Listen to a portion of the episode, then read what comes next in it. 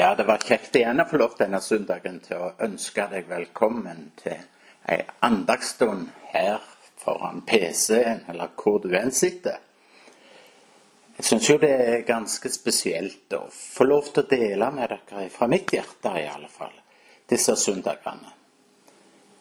De av dere som går på Ebenezer, har jo hørt meg mange ganger, og det er utrolig vanskelig å, å fornye seg. Selv om du får en tekst, så, så, er det noe fundamentalt som brenner i mitt hjerte. Det brenner, og det brenner.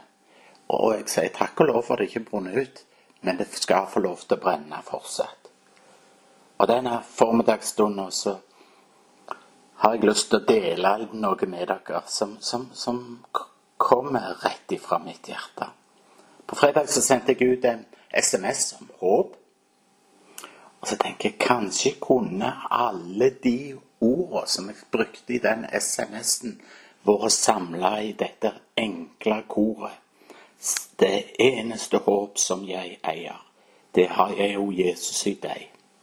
Og jeg bringes til ro ved enkelt å tro at du døde på korset for meg. Halleluja. Det er det som gir meg håp. Det er det som gir meg ro. Det er det håpet om at han døde på korset for meg. Og så har jeg opplevd å få lov å kjenne at livet blir totalt forandra. Jeg ble født på ny og ble frelst. Og så har jeg tenkt noen ganger når jeg har vært ute og talt Guds ord, prøvd å vitne og peke på den levende Jesus Kristus, så jeg prøvd å tenke Det er så mange som som liksom er låste fast. Altså, tenker tro Det er noe som blir gitt en. Det er en gave fra Gud. Som blir gitt i hjertet med Den hellige ånd. Ikke sant? Martin Luther sa det på en flott måte. Det nytter ikke å be Gud om troa, og så sette seg i en krok og vente på at Guds ånd skal komme, sier han. Men troa skapes i hjertet gjennom forkynnelse. Vel å merke gjennom forkynnelse av ordet om Jesus. Det er Kristi ord. Ordet om Jesus taler ikke bare om Jesus, men Jesus kommer personlig til oss gjennom dette ordet. Og Derfor kjenner jeg jeg har jo en oppfordring om at vi skal lese, vi skal høre, vi skal tale, og vi skal synge om Jesus. Og det er mitt håp, at alle, alle skal se. Det er et herlig ord. Alle, alle skal se. Den herlige frelser jeg eier. Han alle, alle skal se. Og så har jeg stanset med et par ord for denne formiddagsstunden òg. Og det vil gjerne gå helt tilbake nesten til jeg ble frelst. Da står det et ord fra Korinterne, andre Korinterne, det femte kapittelet, vers 17, om at det, derfor, om noen er i Kristus, da er han en ny skapning. Det gamle er forbi, og se, alt er blitt nytt. Amen. Amen. Det gamle er forbi. Se, alt er blitt nytt. Venner, det er ikke alltid sånn at vi, vi opplever det i hverdagen.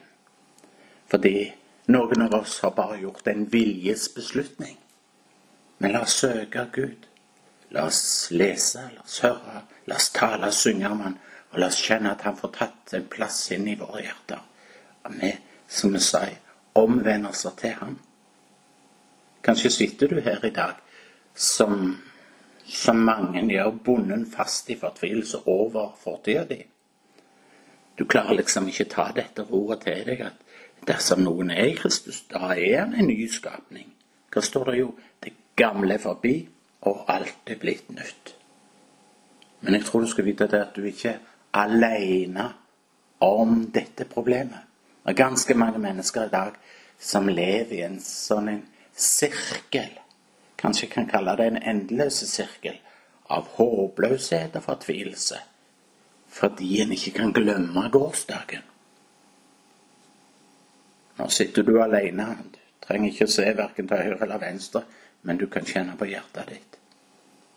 Det er ganske vanskelig. Den plages av minner. Og minnene kan føre til depresjon og mentale forstyrrelser. Til og med selvmord. Vi bærer med oss ei fortid som vi kommer til Jesus, men får ikke lagt av oss den fortida. Vi skal be Gud om å hjelpe oss til det. Og i dag har jeg bedt Gud om å hjelpe deg til å få lov til å se hvem du er i Kristus. Du vet, Vi bærer med oss ei fortid av forkastelse, mange av oss. Jeg møter nesten daglig i min jobb mennesker som sliter med forkastelse og avvisning. Ikke sant? Noen bærer med seg angst, hat og bitterhet. Denne bitterheten som er blitt ei bitter rot som slår ut både deg og omgivelsene dine. Kanskje det er såre følelser, mindreverdighet, skyld og skam. Tenk å bli fri i fortida. Du vet, djevelens han forstår vår svakhet. Derfor bruker han òg vår tidligere feilgrep til å plage og fange oss. Du vet, Djevelens viktigste våpen imot meg, i alle fall, det er min fortid. Men så kan jeg få lov til å si jeg har ingen fortid. Jeg er en ny skapning i Kristus. Det gamle, det er borte, og alt er blitt nytt. Kan du tenke hvordan det vil være for deg å bli fri i fortida di? Er du klar over hvor frigjørende det er å bli fri fortida si? Kan du fullt ut fatte hva det vil si å leve uten skyldfølelse og fordømmelse? Noen mennesker, noen av oss tror gjerne det at, at fortida mi at den er spesielt svart. Hvis jeg ser på den og den og den, så er Nei, hadde de bare visst om meg. Men hør, hvis vi kunne se vår fortid sånn som Gud ser den, før den er vaska rein i lammets blod, da ville rullebladet til den beste av oss være ganske svart. Svart, svart, svart. Men hvis vi underkaster oss Guds sannhet, og tror på lyset, da vil vårt rulleblad i dag i Kristus være like kvitt som Jesu klær var da disiplene så ham på Forklaringens berg. Vet, i det øyeblikket Hør godt etter. I det øyeblikket, tenker jeg, Jesu blod blir strøket på ditt hjerte, er de fortid begravet. Den er borte for alltid og vil ikke bli husket for evigheten. Å dvele med fortida da blir nesten en fornærmelse mot Gud. For Gud har erklært deg for rettferdig. I Romane 5.1 står det da vi altså er blitt rettferdiggjort av tro, har vi fred med Gud ved vår Herre Jesus Kristus. Altså at vi er rettferdige av tro ved Jesus, altså på grunn av Jesu blod. Og det var dette jeg fikk oppleve. Halleluja, tenk. I tilgivelsen. Og jeg opplevde en tilgivelse. Jeg hadde en ganske tøff fortid. Så så jeg når jeg ble frelst, at det fantes en sammenheng mellom tilgivelse og rettferdiggjørelse. For meg så jeg tilgivelsen som å bli avkledd alle mine vemmelige, stinkende filler som mine synder.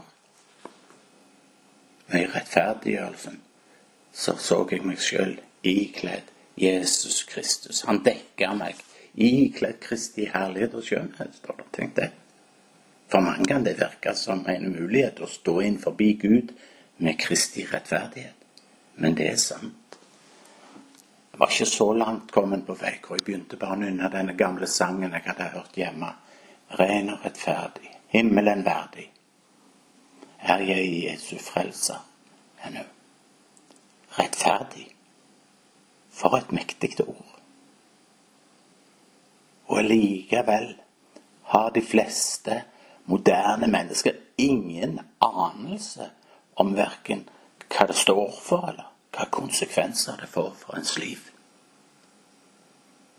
Mange troende ser ordet og leser det gang på gang og hører det. Men de har ikke sett ordets totale og revolusjonerende betydning. Du vet, Gud kan ikke ha omgang med synd.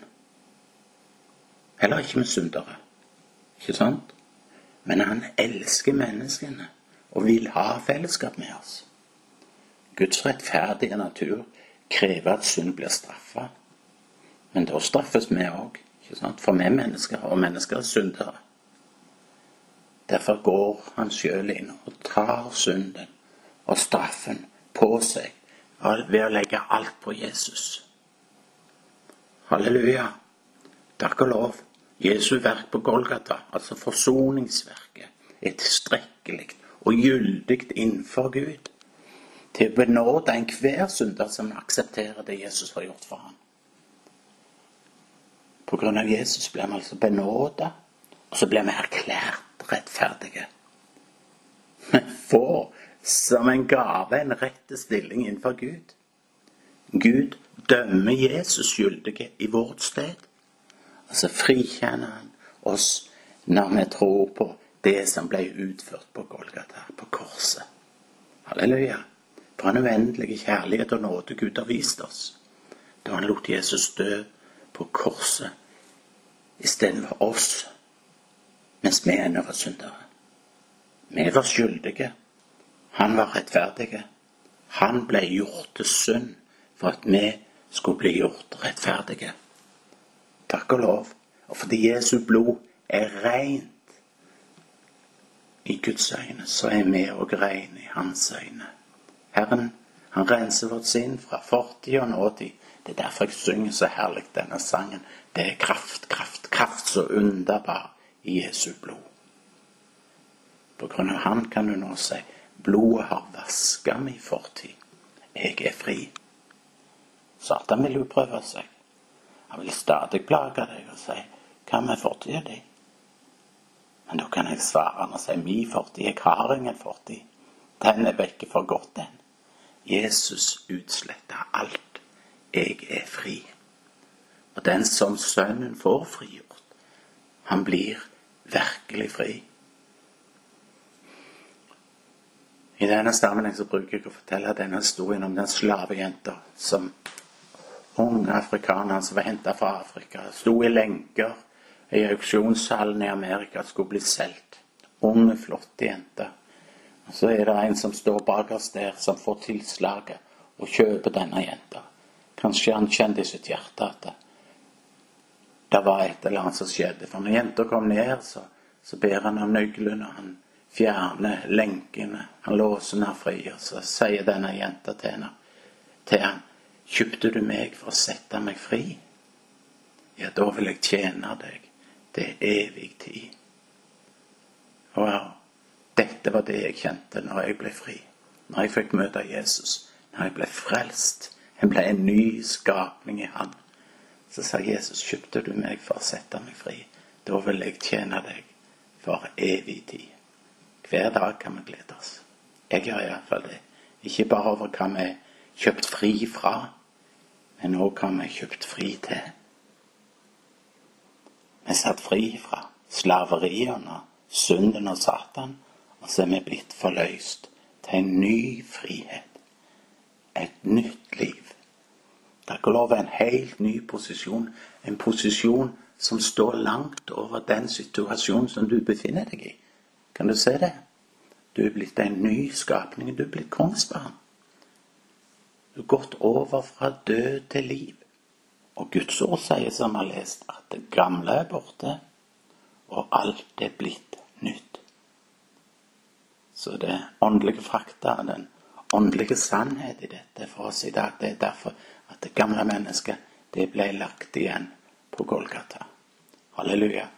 Jesu blod renser for all synd, og det gjør at vi kan få starte nye skapninger i Han. Tenk, det er rettferdiggjort. Vi er ikke benåda. Vi er ikke bare benåda syndere, men vi er rettferdiggjort ved troen på Jesus Kristus. Derfor kan vi stå innenfor den levende Gud, som vi aldri har synda. Så sterk er vår stilling. Jeg vet ikke om du noen gang har vært i en rettssak. Men den ganske sterke posisjonen hvis du tenker at Gud erklærer en synder for rettferdig. Du vet, rettferdiggjørelse er i grunnen et juridisk uttrykk. Den høyeste instansen i vårt tilfelle. Gud, den levende Gud. Han erklærer, han slår klubba i bordet i en domsavsigelse. Amen. Rettferdiggjørelse er ikke noe Gud bare strør om seg med som et visittkort. Rettferdiggjørelse er at Gud slår klubba i bordet og dømmer alle de som er i Kristus Jesus, til å være rettferdige. Og Den dommen, den som jeg takker lov til. Den tar jeg imot.